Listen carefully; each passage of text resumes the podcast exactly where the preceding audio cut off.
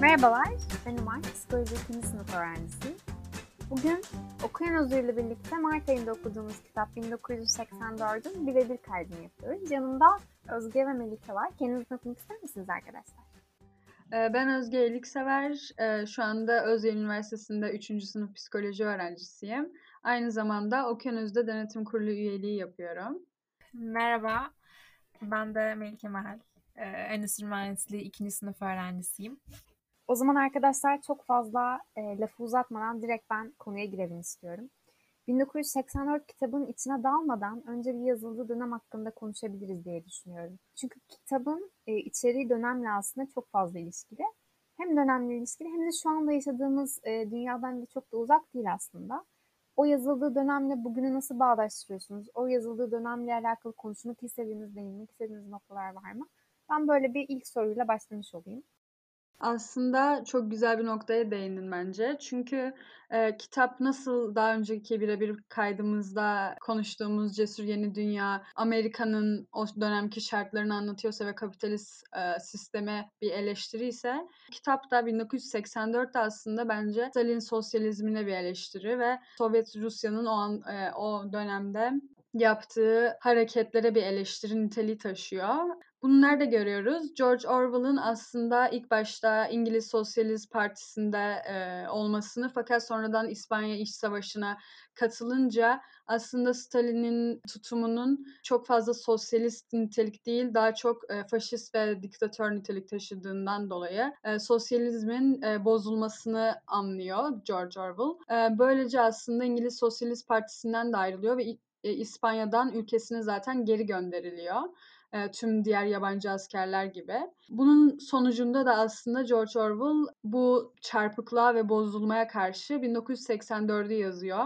Eğer bu sosyalist rejimi Stalin'in yönettiği gibi giderse e, ileride ne gibi e, şeyler bizi bekliyor? Bunu aslında distopya biçiminde yazıyor. E, bunu da aslında şeyden görebiliriz. Sosyalizm başladığında tam bir ütopya örneği taşıyor. İşte herkes e, birlikte yaşayacak, birlikte çalışacak ve hiç kimsenin e, hakkı gasp edilmeyecek. E, ortak sermaye olacak. Fakat sonradan Stalin dönemine gelinince aslında Stalin bu ütopyayı alıp distopyaya çeviriyor ve e, daha çok büyümek adına ve dünyaya sosyalizmi yaymak adına açıkçası sosyalizmin birazcık ismini karalıyor. İlerleyen zamanlarda da tabii ki bunları örnekleriyle veririm konu başlıkları adı altında. Benim şimdilik ekleyeceklerim bu kadar. Ya aslında şey gibi bu sosyalizmi alıp en uç noktaya götürüp bu distopik şeyi mükemmelleştirmiş gibi bir şey aslında. Yani kitapta da aslında bu düzenin nasıl işlediğini açıklıyor. Ben böyle Özge'nin söyledikleri üzerine bir e, kitaptan bulduğum bir alıntıyla destekleyebilirim. Parti üyesi ömrü boyunca düşünce polisinin denetimi altında yaşar. Yalnızken bile yalnız olduğundan bir türlü emin olamaz. Uykuda ya da uyanık, çalışıyor ya da dinleniyor, banyoda ya da yatağında, nerede ve ne yapıyor olursa olsun hiçbir uyarıda bulunulmadan ve denetlendiğini bilmeden denetlenir. Yaptığı her şey ilgilenilmeye değerdir. Dostlukları, dinlenceleri, karısına ve çocuklarına karşı tutumu, bir başınayken yüzünde beliren ifade, uykusunda mırıldandığı sözler, hatta vücudunun kendine özgü hareketleri kılı kırkı yararcasına incelenir. Yalnızca açıktan açığa yanlış davranışlarının değil, gösterdiği her türlü tuhaflığın, alışkanlıklarında meydana gelen her türlü değişikliğin, bir iç savaşının belirtisi olabilecek her türlü öfkelenişin saptanmaması olanaksızdır.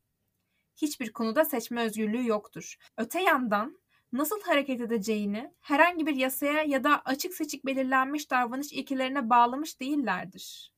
Okyanusya'da yasa diye bir şey yoktur saptandıkları zaman kesin ölüm demek olan düşünceler ve davranışlar resmi olarak yasaklanmamıştır ve ardı ardası kesilmeyen temizlikler, tutuklamalar, işkenceler, hapse atmalar ve buharlaştırmalar gerçekten suç işlemiş olan kişileri cezalandırmak için değil, ileride suç işleyebileceği düşünülen kişileri yok etmek amacıyla uygulanır.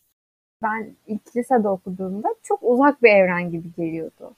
Asla olmayacak distopik kara bir evren gibi geliyordu. Ancak şu an okuduğumda bazı şeylere hiç de şaşırmadım.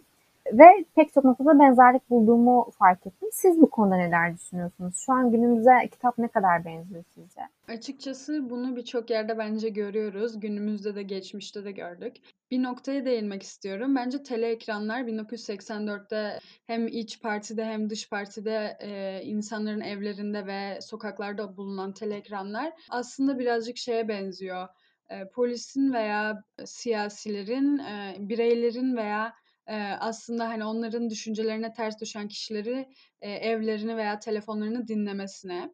Çünkü tabii ki de hani onların davranışlarını ve onların ideolojilerine ters düşen noktaları konuştuklarında tam net bir şekilde duymak için bunu biliyoruz ki bazı ülkelerde çoğu ülkede böyle şeyler yaşanıyor. Ee, mesela Sovyet Sosyalist Cumhuriyetler Birliği'nde de bunu çok net bir şekilde görüyoruz. Ee, yine Stalin döneminden bahsedeceğim. Ee, o dönemde tabii birçok ülke özellikle Çekos Çekoslovakya yani Doğu Avrupa işgal altına uğradığında e, orada karşıt görüşteki insanların e, mesela evleri dinleniyordu. Özellikle işte gazeteciler veya oranın e, siyasilerinin evleri ve hatta birkaç kişinin de e, evlerinin din, e, evlerinin dinlenmesi radyoda yayınlanıyordu. Yani e, hani artık gerçekten bir teleekran niteliği taşıyor bence. Çünkü insanlar e, bunu hani bu kayıtları sonradan radyodan dinleyebiliyorlardı ki bu da hani o kişilere karşı nefret niteliği kazanmasını sağlıyor. E, çünkü ideolojilerine ters konuştuklarını halka beyan ediyorlar. Bence şu anki dönemde en benzeyen şey bu.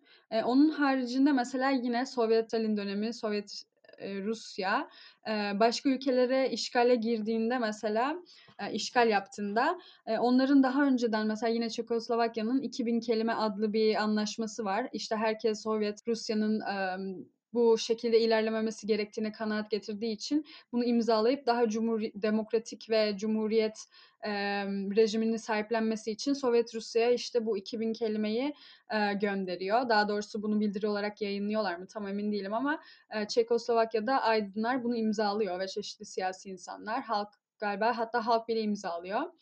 Bunun sonucunda mesela Rusya Çekoslovakya'ya girdiğinde bunu hani devlette çalışan insanlara soruyorlar. 2000 kelime imzaladınız mı?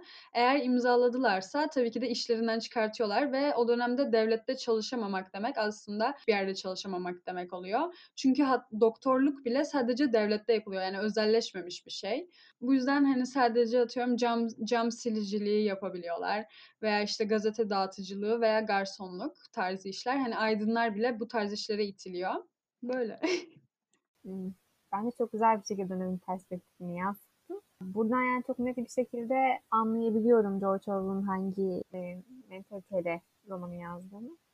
Melike sana da söz vermek istiyorum şey konusunda. Kitabı okurken hiç böyle ya aslında günümüzde bunun biraz daha farklı olabilir ama sonuçta bu aynı şekilde günümüzde de geçer dediğin noktalar oldu mu?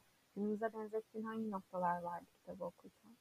Ya bırakın sadece siyasileri ve e, aydın düşünür kesimi aslında şu an hepimizin verileri özel şirketler tarafından toplanıyor. Her gün bizim kiminle konuştuğumuz, kiminle zaman geçirdiğimiz, hangi konu hakkında ne düşündüğümüz, ne alışverişi yaptığımız.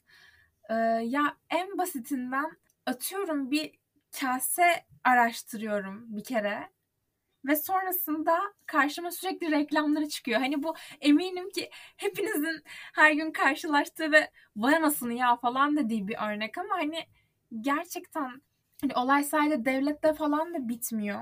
Bir sürü özel şirket bir sürü konuda tüm insanlığın verilerini topluyor. Ve hani kitaba bakacak olursak yani tele ekran bir seçim değil. Tele ekran bir zorunluluk. İşte düşündüğümüzde biz günümüzü uyarlarsak şey diyebilirdik aslında. Yani telefon, akıllı telefon kullanmayabiliriz, bilgisayar kullanmayabiliriz. Ama birazcık daha düşününce diyebilir miyiz konusu bence büyük bir soru işareti. Özellikle bu korona dönemiyle birlikte yani bilgisayarlar, telefonlar elimiz ayağımız gibi oldu. Öğrenciler için uzaktan eğitim dönemi başladı ve yani bilgisayarsız bir akademik hayat şu dönemde düşünülemez bile. Uzun lafın kısası şu an elimizin altındaki teknolojik aletler aslında bir seçim değil hayatımızın zorunlu bir parçası haline geldi. Ve bundan hiçbirimizin kaçışı yok esasen. Hepimizin verileri toplanıyor. Şu an bizimle ilgili bir şey yapmak isteseler bence çok rahat yaparlar. Zaten çok yakında bir WhatsApp muhabbetleri falan oldu ya. hani ne yapacaklar bizim verilerimizi aslında ama bir şey yapmak isteseler yaparlar yani. Çok rahat. Peki bir şeye daha ben değinmek istiyorum. Bu insanların, çocukların anne babasına şikayet etmesi durumuna ben kesinlikle bir konuşmamız gerektiğini düşünüyorum. Öncelikle Vincent'ın çocukluğuna ilgili çok büyük bir boşluk var. Burada sizce bu boşluğun sebebi ne olabilir? Ve anne babasını şikayet eden çocuk ve böyle bir aile yapısı hakkında ne düşünüyorsunuz? Neler söylemek istersiniz? Yani gerçekten çok merak ediyorum bu konudaki düşüncelerinizi. Ya aslında bu da devletin biraz aile yapısını bozması ve çocukların buna şartlanarak yetişmesiyle ilgili. Yani bu sistem zaman geçtikçe daha da mükemmelleşiyor. Yani biz Winston'ın bir üst kuşağının partiden önceki zamana tanıklık ettiğini görüyoruz. Ama bu çocuklar bu sistem içerisinde doğuyorlar. Bu sistemin şartlandırmaları altında büyüyorlar ve bu sistem aile gibi bir kavramı aslında çok da kabul eden bir sistem değil.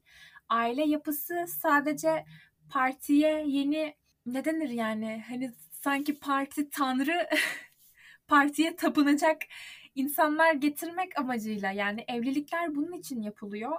Çocuklar da bu parti şartlandırmaları altında düzeni mükemmelleştirmek adına yetiştiriliyorlar aslında. Ben de Melike'ye katılıyorum. Aile çok istenmeyen bir şey aslında bu Okyanusya devletinde dünyasında mı demeliyim bilmiyorum. Çünkü gerçekten devleti kendi dünyaları yapmışlar. Başka bir şey görmüyorlar. İstenen bir şey değil fakat aile neden var o zaman? Çünkü aile aslında bir nevi yani ailede ortaya çıkan çocuklar, doğan çocuklar devlete bir nevi ajan kazandırıyor. Bunu da nasıl yapıyorlar? Yine teleekrandaki nefret söylemleri ve çeşitli videolarla çocukların beynini yıkıyorlar doğduklarından beri. Bunu izlememeleri de hani olanaksız bir şey çocukların. Çünkü her yerde zaten bu ekranlar var ve sürekli kontrol ediliyorlar çocuklar bunu izleyerek büyüyorlar ve ajan haline geliyorlar. Bu yüzden hani ailelerini de e, her an ispiyonlayacak e, dereceye geliyorlar. Çünkü aslında aileleriyle çok bir bağları yok. Sadece e, ajanlık yapmak için yetiştiriliyorlar. E, ama aynı zamanda aile var. Çünkü aile olmasa devlette kaos olur. Ee, hani devlet aslında küçük küçük birimler halinde insanları e, yine de bir düzen içerisinde tutmak için e, aileyi tamamen bozmamış yani yok etmemiş. E, göstermeliyken formaliteden bile olsa aynı e, 4 kişi veya 3 kişi aynı evde oturuyor ve e, bir nevi birbirlerine bağlılar. Fakat e, bence asıl hani önemli nokta şu. Hiç aile gerçekten e, istenmiyor ama büyük biraderin adı da birader. Ee, ve hani ailenin içinden e, ailenize dahil birisi. Hani onu sevin ve aynı zamanda ondan korkun ve o sürekli sizi izliyor. E, buna çok baskı yapılıyor. Neden? Çünkü hani siz onu gerçekten aileden göreceksiniz ve aslında bir hani devlet baba gibi bir şey yani e, ona hem saygı duyacaksınız çünkü sizden yukarıda hem de e, onun dediklerini yapacaksınız saygı duyduğunuz için ve aileden birisi olduğu için de aynı zamanda samimiyet besleyeceksiniz. E, neden mesela partiye değil de Mesela aynı zamanda parti de böyle ailenin içinden birisi gibi temsil edilebilirdi. Neden parti edilmiyor? Çünkü bir insanın daha geniş bir kitleye sempati beslemesi zor. Fakat o kitlenin içerisinden temsil edecek bir kişi seçilirse ve ona sempatizanlık üretilirse o zaman tabii ki de otomatikman partiye de bir bağlılık oluyor. Fakat tabii ki o kişi ortadan kaybolduğunda partinin de bir anlamı kalmayacaktır yine günümüzde de örnekleri var.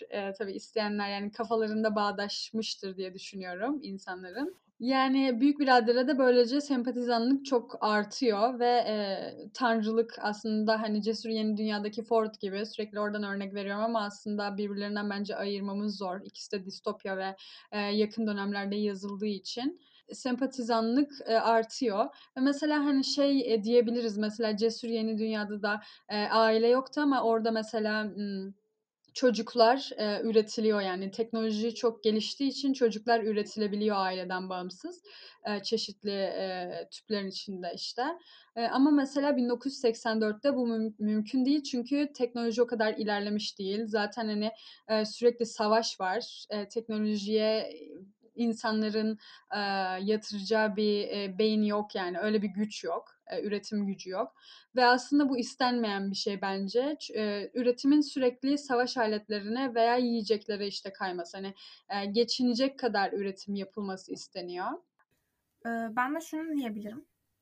Büyük birader evet bir kişi ailemizden biri bizi sürekli izleyen ona saygı duymamız gereken ve onun emirlerini yerine getirdiğimiz bir kişi ama büyük birader ortadan kaybolmayacak. Yani büyük birader bir insan değil. Aslında büyük birader dediğimiz şey partinin ve parti ideolojisinin yüzü. Yani partiyi evin içine sokmanın, partiyi insanlara yakınlaştırmanın yolu. Bunun için bir temsil yani. Büyük birader asla ortadan kaybolmayacak. O yüzden bu evrende asla çökmeyecek.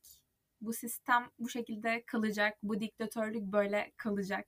Çünkü bu iktidar daha sonra özgürlüğün getirilmesi için kurulmuş bir iktidar değil, iktidar için, diktatörlük için kurulmuş bir iktidar. Bununla ilgili de yine kitaptan bir kısım aktarabilirim size. Artık zaten spoiler muhabbetini geçtiğimiz için direkt söylüyorum. Yani O'Brien'in e, Winston'a işkence ederken anlattığı bir şeydi. Aslında yine parti ideolojisinin ve parti iktidarının güzel bir şekilde özetlendiği bir bölümdü O'Brien tarafından. Okuyorum hemen. Parti iktidarda olmayı yalnızca kendi çıkarı için istiyor. Başkalarının iyiliği bizim umurumuzda değil. Bizi ilgilendiren yalnızca iktidardır. Servet, lüks, uzun yaşamak ya da mutluluk değil, yalnızca iktidar. Salt iktidar. Salt iktidarın ne demek olduğunu birazdan anlayacaksın. Bizi geçmişteki tüm oligarşilerden farklı kılan ne yaptığımızı biliyor olmamız. Onların hepsi hatta bize benzeyenleri bile korkak ve ikiyüzlüydü. Alman nazilerinin ve Rus komünistlerinin yöntemleri bizim yöntemlerimize çok yaklaşmıştı. Ama onlar kendi güdülerini tanımayı hiçbir zaman göze alamadılar. İktidarı zorunlu olarak ve belirli bir süre için ele geçirdiklerini, yolun sonunda insanların özgür ve eşit olacakları bir cennetin beklediğini söylüyorlar. Dahası belki de buna inanıyorlardı bile. Biz öyle değiliz. Kimsenin iktidarı sonradan bırakmak amacıyla ele geçirmediğini biliyoruz. İktidar bir araç değil, bir amaçtır. Kimse devrimi korumak için diktatörlük kurmaz. Diktatörlük kurmak için devrim yapar. Zulmün amacı zulümdür. İşkencenin amacı işkencedir. İktidarın amacı iktidardır. Güç bence bu 1984'te tamamen savaş demek. Çünkü e, aslında iktidar e, yani Okyanusya e, iç par iç parti aynen tamamen savaşla o gücü e, içinde tutuyor. Nasıl derseniz. E, şimdi yani savaş olmazsa ben birazcık 1984'ü e, içindeki devletleri anlatmak istiyorum. E, üç tane devlet var. Okyanusya, Avrasya ve Doğu Asya ve hepsi de e, aslında birbirleriyle savaş halindeler. Fakat e, hepsinin gücü birbirine neredeyse eşit olduğu için e, hiçbir şekilde birbirlerini yenemiyorlar ve savaş sürekli devam ediyor. Bu yüzden de aslında bu devam eden savaştan dolayı devlet bu diğer yani Okyanusya Devleti Avrasya ve Doğu Asya Devleti'ne karşı halkı e, nefretle galeyana getiriyor ve böylece kend, e, kendisini aslında varlık olarak e, o savaşın içinden çıkartmış oluyor. Çünkü diğer iki ülkeye nefretle o savaşı bağlıyor. Kendisi tamamen pozitif olarak ayrılıyor. Hani bu aynı zamanda işletmeden yöneticilerin de kullandığı bir şey. Yani kendisini e, olaydan sıyırmak için suçu diğerlerine atmak ve diğer kişilere aslında o nefret, e, kötü şeyleri, olumsuzlukları tamamen yüklemek ve bağdaştırmak. E, bu devlet de yani Okyanusya'da aynı şeyi yapıyor ve e, aynı zamanda işte e, savaş olduğu için e, bu totaliter rejim aslında insanların ihtiyaç duyduğu bir hale geliyor. Çünkü insanlar diyor ki savaş olduğu için e, bizim başımızda birilerinin olması lazım. Hatta tamamen tüm yetkileri olan birisinin olması lazım. Çünkü tüm yetkisi olan birisi olmazsa her şey yavaş gider ve e, kararlar yavaş alınır. Böylece belki de ülkemiz diğer ülkeler tarafından e, ele geçirilebilir. E, bu yüzden aslında halka bir korku da salıyor aynı zamanda. Nefret ve korku ikilisi ikisi bağdaşınca zaten e, her şey mübah oluyor aslında. E, onun haricinde e, üretim var. Bu da aynı zamanda devletin e, güçlü kalmasını sağlayan diğer bir şey. Çok her alanda üretim yok atıyorum sanayi veya teknoloji alanlarında veya bilim. Fakat diğer devletlerden geri kalmamak adına üretim var. E, çünkü e, hani şöyle de diyebilirsiniz. Halkın fakir kal- kalınması isteniyor ki e, devlete daha bağımlı olsun ve daha çok çalışsın e, veya işte bilinçli olmasın ve bu yüzden devletin o e, saldığı korkuya daha çok kapılsınlar. Fakat e, devlet aynı zamanda bunu da istemiyor. Hani yüzde yüz bir fakirlik. Çünkü aynı zamanda hem kendi azınlığı, yönetici azınlığı da fakirliğe düşecek. Hem de eğer üretim yapılmazsa diğer e, daha demin dediğim gibi savaşılan ülkelerden aşağıda kalınır ve e, o ülkelere m, galip gelinemez veya en azından rekabet edilemez ve e, onların bataklığına düşer. E, bu yüzden sürekli aslında savaş aletleri üretiliyor ve fakir kesim de burada çalışıyor. Tüm güçlerini e, bunları üretmeye sağlıyorlar. Böylece aslında win-win durumu oluyor. Çünkü o proletarya kısmı sürekli çalışmak zorunda kaldığı için hiçbir şey düşünmeye vakitleri olmuyor ve aslında halkın yüzde seksenini onlar oluşturuyor ve e, çok e, trik, triki bir şey var burada. O da tele ekranlar aslında onlarda yok. Yani proleterleri tele ekranlar izlemiyor ve aslında e, 1984'te geçen şey e, bu dünyada yani bin, e, Okyanusya'da iki kişi yani iki cins özgür. E, onlar da hayvanlar ve proleterler. E, çünkü onları teleekranlar izlemiyor ve aslında devletin umurunda değil ne yaptıkları. Her şey onlara yasal. E, evlilik dışı cinsellik veya işte atıyorum e, değişik şeylerin alınıp satılabilmesi. Neden? Çünkü onlar da sürekli bir üretim halinde ve geçim derdinde oldukları için düşünecek kapasiteleri kalmıyor. Bu yüzden devlet her kesimi elinde tutabiliyor. Proleterlerin dışında kalanları da teleekranlarla ve korku ve nefret, nefret söylemleriyle elinde tutabiliyor. Bu da e, mutlak bir güç oluşturuyor aslında.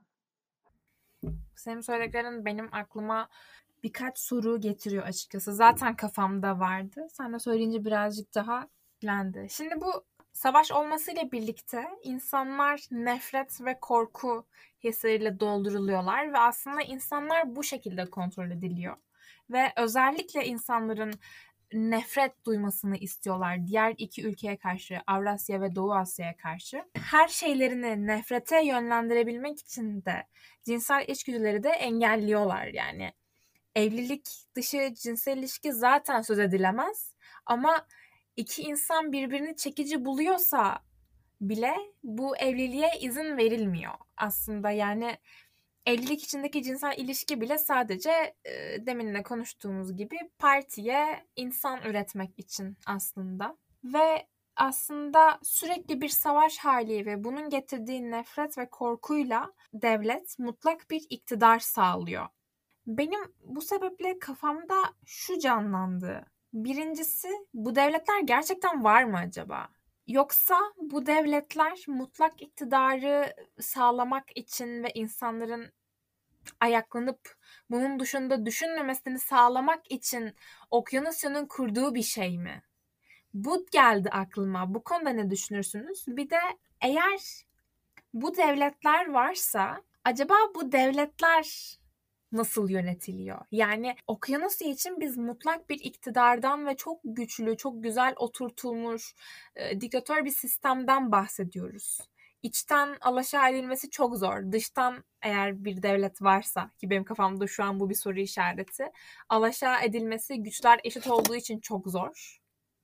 Ama diğer iki devlet de Avrasya ve Doğu Asya'da eşdeğer bir güce sahipse bu devletlerin nasıl yönetildiği konusu da benim kafamda bir soru işareti açıkçası. Bir de yani Okyanusya'nın savaştığı devletler sürekli değiştiğini de düşünürsek bir yandan. Ya yani bir gün Avrasya ile savaşıyorlar. Sonra bir bildiri okunurken bir anda Avrasya Doğu Asya'ya dönüşüyor ve artık Doğu Asya ile savaşıyorlar o andan itibaren. Yani bu da birazcık açıkçası benim bu devletlerin varlığını sorgulamama sebep oldu ve eğer bu devletler vardıysa ve eğer bu üç devletten biri birine de galip gelirse bu şey bir şeyler olursa yönetim nasıl olacak? Mesela Okyanusya atıyorum Avrasya'yı yendi. Bu yeni yönetim şekli nasıl olacak? Bunları bu partinin bünyesine nasıl katacaklar mesela?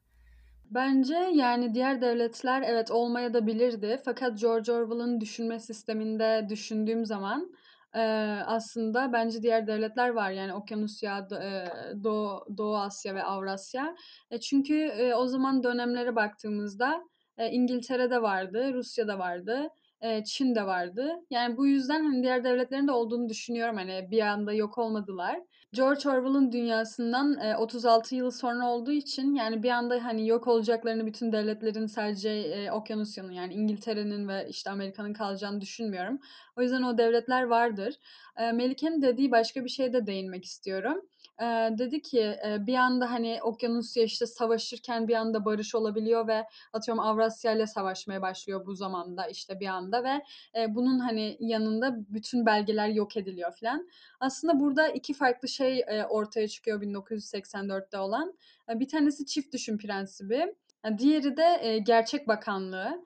E, ilk başta Gerçek Bakanlığı'ndan bahsetmek istiyorum. E, bu ne iş yapıyor? Aynı zamanda e, aslında ana karakterimiz Winston da Gerçek Bakanlığı'nda çalışıyor. E, burada aslında devletin çıkardığı yalan haberler, e, mesela atıyorum üretim %90 arttı diyor mesela 2020 yılında. E, ona dair, e, onu yalanlayacak haberler varsa %90 artmadığına dair onların hepsi Gerçek Bakanlığı'nda bulunup değiştiriliyor. Değiştirilemiyorsa da yok ediliyor. Böylece aslında geçmişe dair hiçbir kanıt kalmıyor. Yani geleceğe dair de bir kanıt kalmıyor oluyor. Sadece şimdiki zaman kalıyor. Şimdiki zamanda aslında yalan gerçekler olduğu için kimse neyin yalan neyin doğru olduğunu anlayamıyor ve hatırlayamıyor. Bence Umay'ın en başta sorduğu Winston'ın geçmişe geçmişine dair e, hatırlamadığı ve büyük boşluklar olmasının sebebine. E, bence bu çünkü sürekli değiştirilen bir gelecek ve geçmiş ve şimdiki zaman varsa e, insanın zihninin bulanıklaşması da bundandır diye düşünüyorum geçmişi Winston'ın hiç hatırlamaması, e, 19, işte Okyanusya'nın şimdiki zamanında e, atıyorum kıtlık olması ama geçmişte bunun var olup olmadığını hatırlamaması Winston'ın bundan. Çünkü hiçbir kanıt yok. Önüne sürekli çıkan bir şey yok. Ben mesela e, bir anımı hatırlamak istediğimde galerime girip işte fotoğraflara bakıyorum ve Aa, bu şimdiki zaman e, bu e, böyle mi olmuştu? İşte geçen yıl mesela atıyorum bunları mı yapıyordum diyorum. E, fakat Winston'ın bunları diyebilecek, geçmişe dair atıfta bulunabilecek hiçbir şey yok. E, bu yüzden hatırlamıyor. Çünkü insan zihni hani evet çok geniş, e, çok kapasiteli bir şey ama e, hatırlamak o kadar kolay değil ve e, çoğu bilgi altlarda kalıyor. Ee, ve tabii biraz psikolojik bir bilgi olacak ama değinirken de aslında biz geçmişi beynimizde ararken, hatırlamaya çalışırken birazcık tahrip ediyoruz ve yanlış hatırlıyoruz e, hatıraları. Böylece hani Gerçek Bakanlığı'nda bilgiler değiştiriliyor ve tabii ki de gelecek e, devletin istediği şekilde şekilleniyor. E, çift düşüne değinmek gerekirse devletin zaten 1984'te sloganları e, tamamen çift düşün prensibiyle hareket ediyor. Bunlar ne? Yani savaş barıştır, özgürlük köleliktir ve cahillik güçtür. Burada ne demek istiyorlar? Yani aslında diyorlar ki biz e, her an her şeyi değiştirebiliriz. E, siz hani hiçbir şeye inanmayın e, iki tarafa da inanın yani hem savaş var hem barış var. İkisine de inanın yani. E, çünkü zaten hani siz bir şey inansanız da onu biz yani yarın değiştireceğiz. O yüzden ikisine de inanmanız gerekiyor. Hani e, yoksa siz vatan haini olursunuz atıyorum. Mesela siz e, inandınız ki o an işte Avrasya ile savaş halindeyiz. Bunu hani gerçekten gönülden inandınız ve yarın barışta olduğunuza inanamayacak durumdaysanız yani çift düşün prensibine göre hareket edemiyorsanız o zaman vatan haini oluyorsunuz ve tutuklanıp götürülüyorsunuz.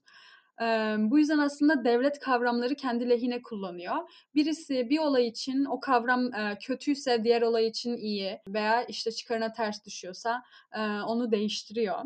Bir de e, aslında bir şey eklemek istiyorum. E, ben geçen günlerde e, zaten sürekli Çekoslovakya'dan örnek verdiğime göre an, belki anlayan dinleyicilerimiz vardır. E, Var olmanın dayanılmaz hafifliğini okudum Milan Kundera'nın kitabı. E, oradan bir alıntı yapmak istiyorum. E, varoluşun kutupları birbirine değecek kadar yaklaşırsa varoluşun bir anlamı kalmaz. Yani aslında çift düşün prensibi tamamen varlığı hafifletiyor ve onları onu e, anlamsız hale getiriyor kavramların varlığını. Çünkü e, iki kutup birbirine yaklaşıyor. Yani savaş barıştır demek ne demek? E, aslında savaşın hiçbir anlamı yok. Yani barışsa o zaman e, savaş barışsa o zaman niye savaşıyoruz veya niye barıştayız? Hani hiçbir anlamı kalmıyor. E, o hani iki zıt kutup arasındaki çizgiyi o kadar e, ihlal ediyor ki e, aslında insanların inanacak bir şey de kalmıyor bence ve iki kav yani kavramların var olmasının bir anlamı da kalmıyor. Sanırım çok konuştum. Bundan sonra sözü Uma'ya ve Melike'ye bırakıyorum.